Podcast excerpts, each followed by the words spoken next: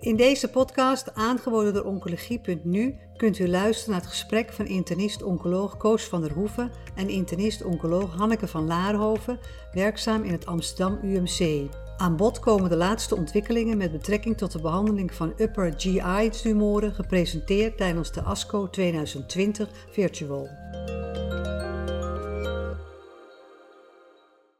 Ik ga praten met uh, professor Hanneke van Laarhoven hoogleraar uh, medische oncologie uh, tot voor kort in het AMC. Maar vanaf 1 april is de baas van de medische oncologie van het VUMC en het AMC. En dat heet dan het Amsterdam UMC. En ze weet veel van de oncologie, maar het belangrijkste aandachtspunt is toch de upper GI. En ik ga met haar praten over die onderwerpen die op de ASCO hierover besproken zijn. Maar allereerst, hoe heb je de ASCO ervaren dit jaar? Want dat was wel heel bijzonder. Ja, dat was het zeker. Uh, dank voor de, de, de introductie, uh. Ja, dat was een hele rare ASCO. Van één kant was het um, heel gefocust um, en, en daardoor uh, kon je alle presentaties, of althans beter gezegd de presentaties die je volgde, die, die volgde je zeer geconcentreerd. Um, maar de, de echte nou ja, van de, van de ASCO, namelijk het elkaar tegenkomen en dan uh, zien wat er achter de interruptiemicrofoons uh, gebeurt. En nou, toevallig in de wandelgang iets opvangen en daar dan toch nog even langslopen. Ja, dat was er nu allemaal niet bij. Het, het, was, het was heerlijk om thuis te zijn, want het weer was prachtig. Maar ik hoop volgend jaar toch weer gewoon in, eh, in Chicago te zijn. Oké, nou we kunnen in ieder geval zonder jetlag een en ander bespreken. Uh, ik wilde beginnen over het HER2-positieve slokdarmcarcinoom. HER2-expressie heeft heel veel uh, aandacht weer bij verschillende tumoren, ook bij het uh, slokdarmcarcinoom. We zijn gewend om, als er geen metastase zijn, deze patiënten chemoradiotherapie te geven en daarna te opereren. En de vraag is of trastuzumab bij de HER2-positieve patiënten een plaats kan hebben. Daar was een studie over. Kan je daar iets over vertellen? Ja, zeker. Uh, de, de, de echt toch 1010 uh, was dat. Studie waar we al een tijd op zaten te wachten. Ze hebben lang gedaan over de inclusie um, van zo'n uiteindelijk 200 behandelde patiënten. Um, kun je ze ook niet helemaal kwalijk nemen, want HER2-expressie komt bij zo'n 15 tot 20 procent van de patiënten voor. Dus het is nogal een klus om patiënten te verzamelen. Maar goed, ze hadden wel 634 studielocaties. Dus nu ja, Um, uh, het heeft toch wel heel erg lang geduurd, maar niettemin, uh, de resultaten zijn er nu. Er werd gerandomiseerd tussen neoadjuvant chemoradiatie versus neoadjuvant chemoradiatie plus trastuzumab. En ik doe nou net alsof die neoadjuvant chemoradiatie gewoon chemoradiatie was niet helemaal waar. Ze gebruikten een hogere dosis radiotherapie dan dat wij gebruikelijk doen in de neoadjuvante setting. Maar goed, dat gezegd zijn een hele heldere, straightforward um, uh, gerandomiseerde fase 3-studie. Um, ehm, met als primaire, eind, uh, uh, als primaire eindpunt ziektevrije overleving. En ja, lang verhaal kort, geen verschil in ziektevrije overleving. En ook geen verschil in overall survival. Um, helemaal niet. Um, nogal teleurstellend. Um, ook vanuit uh, nou, het perspectief wat we uh, hebben uh, van de behandeling, wat we hebben gekregen door de behandeling van borstkanker, zou je ook denken, dit moet toch kunnen werken. Um, maar dat is in ieder geval niet in, op deze manier in de behandeling. Dus de vraag, ja, is het daarmee dan helemaal klaar met... Hadden de patiënten de trastuzumab alleen tijdens de bestraling gekregen of ook daarna? Ja, dat is een heel goed punt. Um, het idee was ook uh, dat ze uh, na afloop die um, trastuzumab nog, nog kregen. Um, nou, dat lukt niet altijd iedereen even, even goed. Dat is natuurlijk überhaupt een, een, een belangrijk, belangrijk punt bij de behandeling na grote chirurgie. Um, uh, dat, uh, ja, dat dat gewoon niet altijd goed lukt. En daar zullen we zo direct, als we het uh, hopelijk ook nog over de andere studie gaan hebben met HER2-targeting, ook nog, ook nog denk ik wel even over kunnen, kunnen hebben. Dan denk ik dat we dit maar even verder overslaan, want de, de, mensen die zeggen bij een HER2-positieve tumor moet ik trastuzumab aan de initiële behandeling toevoegen, dan kunnen we op dit moment zeggen dat dat niet gesteund wordt door data die we hebben. Klopt. Uh, ik zag een heel klein beetje af naar de patiënten die distale esophagus uh, of een maagcarcinoom hebben of de overgang met HER2-expressie. Um, ja, die zijn we gewend te behandelen als het enigszins kan, vooraf met chemotherapie. Operatie. En als het enigszins kan, daarna ook nog is chemotherapie. En de vraag is, moeten we daar dan trastuzumab aan toevoegen? Moeten we er misschien ook pertuzumab aan toevoegen? En daar was een belangrijke studie over. En ze gebruikten er ook andere chemotherapie dan wij tot voor kort gebruikelijk waren. Ja, ja. Ja, klopt. De Petrarca-studie, erg interessante studie waarvan ik blij ben dat ze de data toch gepresenteerd hebben. En ik zeg toch uh, omdat de studie voortijdig gesloten is. En hij is voortijdig gesloten omdat de resultaten van de Jacob-studie eerder zijn gepresenteerd. En dat was een studie in de gemetastaseerde setting, waarbij bij HER2-positieve patiënten werd gekeken naar de toevoeging van trastuzumab en pertuzumab aan de palliatieve chemotherapie. Dat was een negatieve studie, in ieder geval wat betreft het primaire eindpunt. En vervolgens is gezegd, nou dan moet Petrarca ook maar stoppen. Dat is jammer uh, en dat blijkt wel uit deze uh, resultaten. Namelijk, wat hebben ze gedaan in de Petrarca? Ze hebben gerandomiseerd tussen FLOT plus trastuzumab en pertuzumab versus FLOT alleen. En FLOT is inderdaad uh, sinds enige tijd onze standaard perioperatieve behandeling voor het maagcarcinoom en het junctiecarcinoom. Primaire eindpunt van het fase 2 deel was pathologische complete respons. En wat ze zagen bij twee keer 40 patiënten, hè, dus de, de, kleine, kleine studie. Maar goed, wat ze zagen was in de controlearm een PCR-percentage van 12% en in de interventiearm een PCR-percentage van 35%. Nou, dat is in het maagcarcinoom wel echt een... Um, Aanzienlijk verschil. Precies, dat is een belevenis. Um, ja. Um, dus dit, nou, laat ook maar weer zien dat je resultaten uit de gemetiseerde setting niet zomaar um, um, ja, naar de, naar de perioperatieve of curatieve setting kunt, uh, kunt vertalen. De vraag is nou, nou, misschien nog even iets, als dat nog mag, over, over de, de bijwerkingen. Want eh, je vroeg net al, bij, bij de eerdere studie werd het ook adjuvant gegeven. Nou, dat was hier ook het idee, dat trastuzumab en pertuzumab doorging naar de operatie. Ja, dat lukt uiteindelijk slechts zo'n een derde van de patiënten. 35% maakt uiteindelijk die adjuvante uh, behandeling met 9 keer trastuzumab en pertuzumab af. Dus dat geeft wel aan, adjuvant is lastig bij deze patiëntenpopulatie. En ander aandachtspunt, um, ehm, 41% van de patiënten had graad 3, mind you, graad 3 of hoger diarree. Um, nou, dat is een, een, een onplezierige bijwerking. Um, en natuurlijk kun je zeggen, tja, als zich dat uiteindelijk vertaalt in uh, een verbeterde overleving, dan is het misschien wel waard. Maar wel iets om in het achterhoofd te houden. En ook iets om in ieder geval voor die junctietumoren toch nog eens even opnieuw na te denken over de backbone. want hier gebruiken ze vlot. Misschien moeten we toch terug naar die chemoradiatie en daar trastuzumab en pertuzumab samen gebruiken. En we hebben in, in Nederland een, een, een, kleine studie gedaan met 40 patiënten, overigens met veel minder dan uh, eh, 600 zoveel uh, centra, waar we veelbelovende resultaten ook zagen van juist die combinatie. Dus ja. er zit denk ik nog echt muziek in de HER2-targeting um, ehm, als het gaat over het maagcarcinoom. Nog eventjes terug naar de bijwerkingen die je genoemd had. Die zijn natuurlijk uh, belangrijk, die zijn, die zijn intens. En vooral in de postoperatieve periode na een maagdissectie speelt dat erg. Maar de, de winst was eigenlijk al geboekt bij de operatie. Het grote verschil in pathologisch complete respons is natuurlijk veroorzaakt door de preoperatieve chemotherapie. Zeker, zeker. Nee, dus ik denk dat het ook zeer de vraag is of dat adjuvante deel um, echt bijdraagt. Nou, daar gaat de studie geen antwoord op kunnen geven, want het is nu eenmaal wat ze gedaan hebben.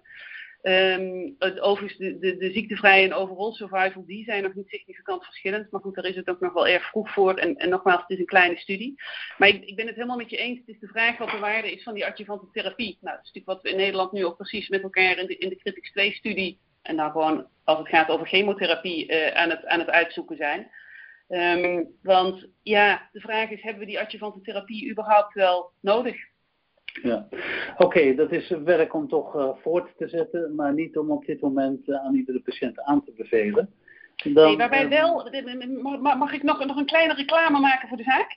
Um, ja. Want de, de, we hebben in Nederland ook de Innovation-studie lopen, waarbij gerandomiseerd wordt uitgezocht perioperatief chemotherapie versus perioperatief plus trastuzumab versus perioperatief plus trastuzumab en pertuzumab.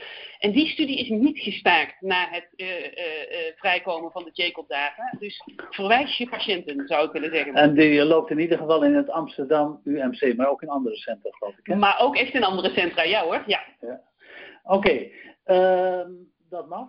Dan gaan we naar een, een slechtere setting. Dat is patiënten die een, een gemetische carcinoom hebben van maag en van de overgang van slokdarm maag. Die in de tweede lijn, uh, in de eerste lijn hadden die patiënten cisplatin en 5 combinatie gehad. En die werden daarna gerandomiseerd tussen pembrolizumab en paclitaxel. Is de immunotherapie voor deze groep van waarde? dat is nu een hele moeilijke vraag zoals je hem zo stelt. En als je hem zo stelt, dan zou ik zeggen, nou, nee. Ehm, maar daar is wel het een en het ander aan genuanceerd over te vertellen. Um, wat het ingewikkeld maakt, um, is dat, nou, als je kijkt naar het primaire eindpunt uh, in de populatie zoals ze die gekozen hadden in deze Keynote 061 trial, uh, dan uh, is dat primaire eindpunt simpelweg niet gehaald. maar wat het ingewikkeld maakt, is dat de survival curves, die kruisen elkaar. Dat wil zeggen, je ziet tot nou, zeg een maand of zes zie je dat patiënten die paclitaxel krijgen het nou, wat beter lijken te doen dan de patiënten die pembrolizumab krijgen. Vervolgens kruisen de curves en dan zie je dat de pembrolizumab-curve boven de paclitaxel-curve gaat lopen. Nou, dat, dat, dat, dat, zie je in je mediane overleving, zie je dat niet terug. Want ja, je hebt eigenlijk twee verschillende soorten populaties waarschijnlijk waar je naar aan het kijken bent. En de vraag is natuurlijk, hoe haal je die populatie die wel langdurig voordeel heeft, hoe haal je die er nu uit? Nou, dat het is maar een klein clubje, hè? Het is maar een klein clubje. Het is echt maar een klein clubje. Ehm, maar ja, je zult maar net dat kleine clubje uh, zijn, of althans daartoe behoren. Nou, wat, wat, wat de onderzoekers hebben gedaan is in ieder geval kijken naar de zogenaamde Combined Positive Score. Uh, dat is een score die uh, iets zegt over PDL1-expressie op tumorcellen en, en op immuuncellen. En als die PDL1-expressie uh, maar hoog genoeg is, um, dan zie je dat langzaam maar zeker die curves toch netjes uit elkaar gaan trekken. En wat ik daarmee bedoel is dat de lijn van de pembrolizumab echt duidelijk boven de lijn van de paclitaxel komt te liggen. En nou, ze hebben dat laten zien voor een score eh, groter dan gelijk aan 1, groter dan gelijk aan 5, groter dan gelijk aan 10. En je ziet hoe hoger die score wordt, hoe duidelijker dat voordeel wordt.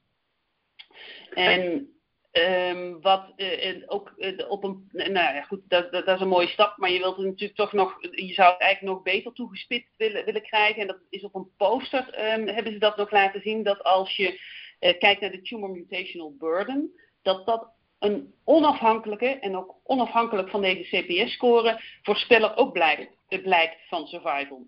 Dus je zou je kunnen voorstellen dat als we nu zowel PDL1-expressie als die tumor mutational burden gaan gebruiken, ja, dat we wel degelijk een groepje patiënten kunnen identificeren die echt relevant voordeel heeft van de pembrolizumab.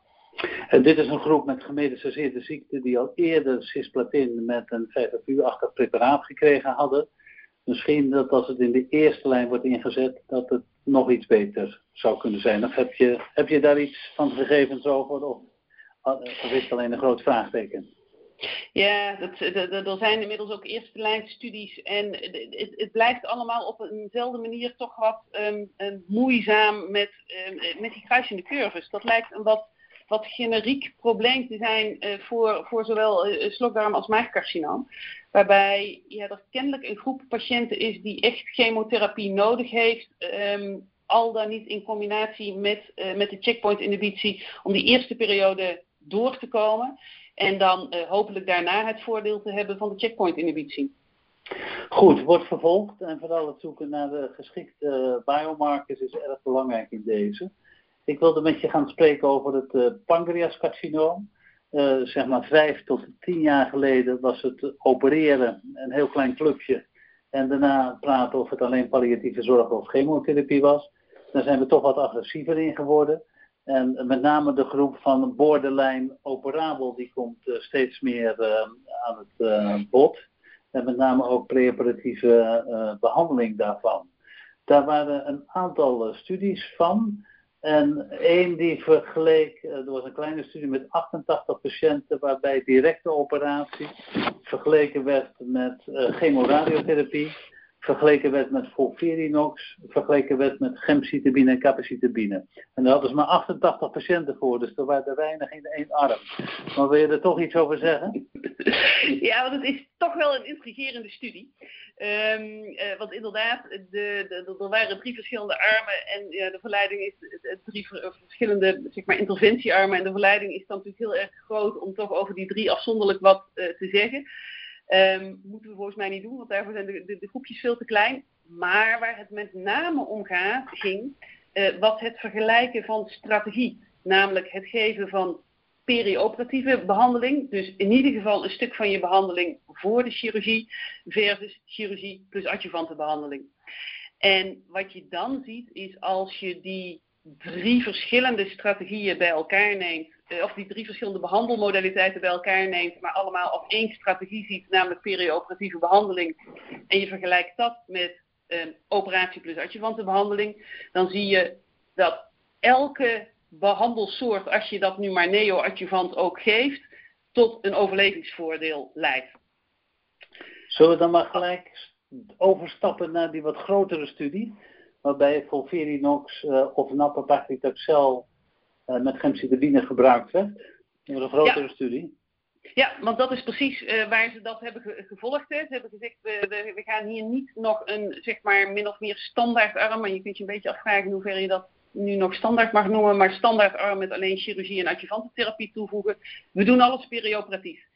Um, het was een uh, pick the winner design, fase 2 pick the winner design van um, versus gemcitabine nab-paclitaxel. En um, nou, ze wilden niet voor niks een winnaar kiezen. Dat was natuurlijk in de veronderstelling dat er een winnaar zou zijn. Um, en ik denk dat als je veel uh, oncologen van tevoren had gevraagd dat, en die ergens geld op hadden moeten inzetten, dat ze hun geld op voor Virinox hadden ingezet. En wat schetst onze verbazing als dat blijkt dat dat nu helemaal niet zo is. Anders gezegd, er is gewoon geen winnaar uit deze studie gekomen. Voor Virinox en gemcitabine nab-paclitaxel bleken allebei even goed of slecht, afhankelijk van hoe, hoe je ernaar wil kijken. Um, met andere woorden, um, wat we um, met elkaar toch misschien net iets te snel hebben geconcludeerd op basis van vergelijkingen tussen verschillende studies. Want uiteindelijk zijn nab-paclitaxel en uh, gemcitabine in vergelijking met Volvirinox nooit eerder head-to-head vergeleken. Um, ja, dat blijkt dan toch niet helemaal um, op te gaan. En beide, voor beide regimes is, uh, is dus wel degelijk wat te zeggen. Maar het, het eindpunt, dat, dat gaat uiteindelijk om overleving. Ja. En um, ze, qua overleving verschilt het niet. Maar nee. ik was zelf wel getroffen door het feit dat er bij uh, eh, nab-paclitaxel met gemcitabine 42% pathologisch complete responses waren. Dat vind ik onvoorstelbaar hoog. Hoe kijk ja. je er tegenaan? Ja, helemaal mee eens. Dat is inderdaad ook ontzettend hoog. En eh, volgens mij, dat is nu niet helemaal zeker, maar is daar nog geen centrale review overheen gegaan. Dus dat zou, um, als dat inderdaad niet is gedaan, nog wel de moeite waard zijn. Hebben ze overigens ook gedaan met de imaging vooraf. Hè, en dan blijkt een derde van de patiënten toch niet helemaal aan de inclusiecriteria te voldoen. Dat is wel een interessante conclusie weer. Um, ik, ik, kan het niet zo goed verklaren waarom ze zo'n hoog percentage PCR vinden. Um, en ook, want dat is dan wel meteen ook het volgende, waarom zich dat dan niet vertaalt in een overall survival voordeel? Want dat zou je dan. Ja, of dat zou misschien later nog, nog moeten komen. Hè? Zeker, zeker. Ja, De, de, de, de tweejaarse overleving van beide groepen was 58%. Dat is natuurlijk tamelijk hoog, maar dat is in een groep die van tevoren nog wel geselecteerd is. Precies, precies. Ja. ja. En waar deze studie geen antwoord op geeft, is de vraag of we nou dan toch misschien af zouden kunnen van de adjuvante behandeling. Want ook dit was weer een perioperatief uh, uh, behandelregime. Um, en ik denk dat dat het hele mooie is van de Preopank 2-studie die we in Nederland aan het doen zijn. Uh, dat we daar echt een arm in hebben die zuiver neoadjuvant is. Um, en heel eerlijk gezegd denk ik dat we daar, als het gaat over de verbetering van de behandeling van pancreascarcinoom, um, ja, toch op zouden moeten inzetten. Namelijk het kijken naar neoadjuvante behandelschema's. En daar een zo goed mogelijk schema in ontwikkelen. Ja, en de, wat, is de, wat zijn de inclusiecriteria voor deze studie? Kun je ook nog een beetje reclame maken? Ja, daar mogen patiënten in met een uh, resectabel uh, pancreascarcinoom, dan wel een borderline resectabel pancreascarcinoom, waarbij borderline gedefinieerd is volgens de criteria van de DPCG. Kijk even op de website, want die zijn net weer een beetje anders dan de criteria die in deze studies zijn gebruikt. Oké, maar goed, en dan doen ook een groot aantal centra in Nederland mee. En ik denk dat het heel goed is om patiënten daarvoor te verwijzen. Want langzaam maar zeker wordt het toch bij een klein groepje patiënten toch wel een klein beetje winst geboekt. Precies. Uh, bij de upper GI, daar rekenen ze ook altijd de galwegen en de lever.